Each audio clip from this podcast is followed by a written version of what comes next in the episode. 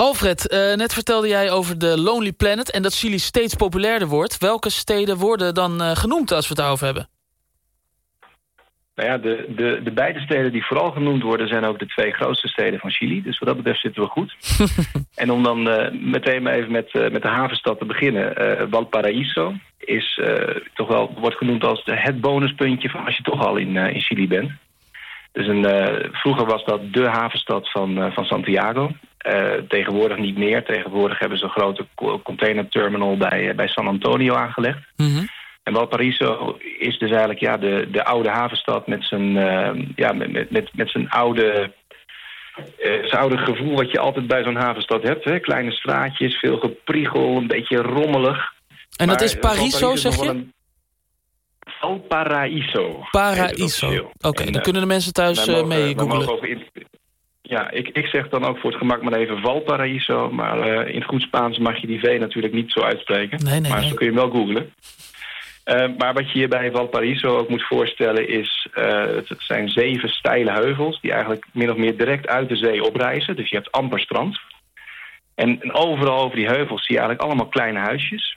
En die huisjes zijn grotendeels ook gebouwd door mensen die, ja, die in, in de scheepsindustrie actief waren. Dus die zien er eigenlijk heel anders uit dan je, dan je normaal gewend bent heel veel golfplaat, eigenlijk heel simpel in elkaar gezet. Mm -hmm. En het leukste is dat ze dan vaak ook nog even netjes geverfd zijn... met een restje verf wat nog van het verven van het laatste schip over was. Dus die huisjes die zijn knalrood, knalblauw, knalgroen, knalgeel. Nou ja, en stel je dat voor, als, alsof er iemand een, een, een hele doos Lego over zeven heuvels heeft heen geschud. Zo ziet het er ongeveer uit. Een gezellige chaos. Absoluut. En als je daarheen gaat, je hoeft ook absoluut geen, geen plan te maken. Je gaat er gewoon heen, je verdwaalt toch wel. En dat is eigenlijk hartstikke leuk. Dus de doelstelling is ook gewoon dagje rondlopen, lekker verdwalen... en ja, lekker genieten van wat je ziet. Goed, tot zover de Lonely Planet van, uh, van Alfred. Nee hoor, nee. Um, jij woont vlakbij, uh, uh, jij, jij, woont vlakbij die, die, die oude havenstad van Santiago... want jij woont in Santiago, toch?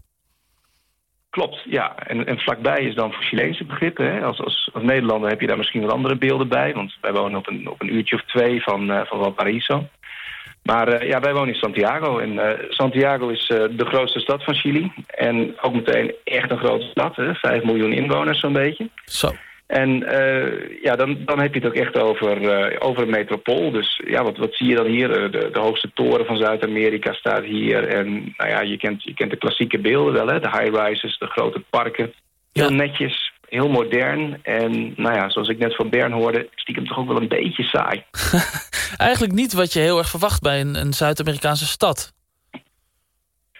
Nee, nee, dat, dat verbaasde mij dus ook. En nou moet ik wel zeggen hoor, het, het gaat hier dan vooral om, om drie wijken. Hè? Las Condes, uh, Providencia en, en het centrum. Waarbij je toch wel heel erg het Europese gevoel hebt. Maar goed, deze stad bestaat uit, uh, uit 17 wijken geloof ik. En er zijn ook wel wijken die er toch wel heel anders uitzien. Veel, veel meer Zuid-Amerikaans. Maar hoe moet, ik me dat, hoe moet ik me dat dan voorstellen? Ik weet, uh, ik woon zelf in, uh, in, uh, in Amsterdam. Nou ja, van de ene kant naar de andere kant. Um, nou, een dik een half uur met de, met de tram of zo. hoe gaat dat in, in Santiago? Ja, je hebt het hier over een soort laagvlakte tussen drie bergketens... die ongeveer, ik geloof, 30 bij 30 kilometer is... die gewoon vol huizen staat. Dus allemaal, allemaal blokken, allemaal drukte...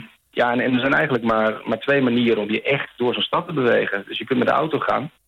Dan heb je hier ook grote snelwegen, uh, vierbaanswegen, dwars door de stad heen lopen, klaverbladen tot en met. en uh, dan, kun je, dan kun je nog wel een beetje van de ene naar de andere kant komen. Dan moet je natuurlijk wel zorgen dat je niet in de spits rijdt. Want dan, dan doe je rustig twee uur over, over vijf kilometer. Oh ja, jeetje. En, en oké, en hoe ga jij meestal door de stad? Ja, ik heb zelf geen auto. Ik, ik ben daar helemaal flauw van, van dat gepriegel door zo'n stad met een auto. En uh, ik gebruik altijd de metro. Nou, met, uh, met de metro kun je ook wel redelijk afstand maken. Overigens moet je dan ook weer zorgen dat je buiten de spits reist. Want dus als je hier in de spits probeert in de metro te komen... Dan, dan kun je nog wel buiten het station, dus voordat je überhaupt de trap naar beneden afgaat... al in de rij staan. En dan nog de trap af en het platform over. En dan hopen dat je, dat je ergens nog in de metro past. Dus dat, uh, ja, dat zijn de, de bekende sardinetjes in een ton. Ja, ik ken dat soort beelden alleen maar uit, uh, uit China en Japan volgens mij. Dat ze, dan, dat ze dan van die mensen in dienst hebben om de mensen aan te duwen uh, de metro in. Ja, nou ja, dat is inderdaad het beeld. En hier moet je dan jezelf duwen. Daar hebben ze dan geen mensen voor. Maar ik heb ooit uh, de fout gemaakt toen ik terugkwam van een, uh, van een lange busreis... om eigenlijk net voor de spits in de metro te stappen. Dus dat ging prima. Er was ruimte zat. En ik stond met die grote koffers stond ik midden in de metro. Tussen, eigenlijk midden tussen twee deuren in. En vervolgens op de volgende stations liep die metro zo vol...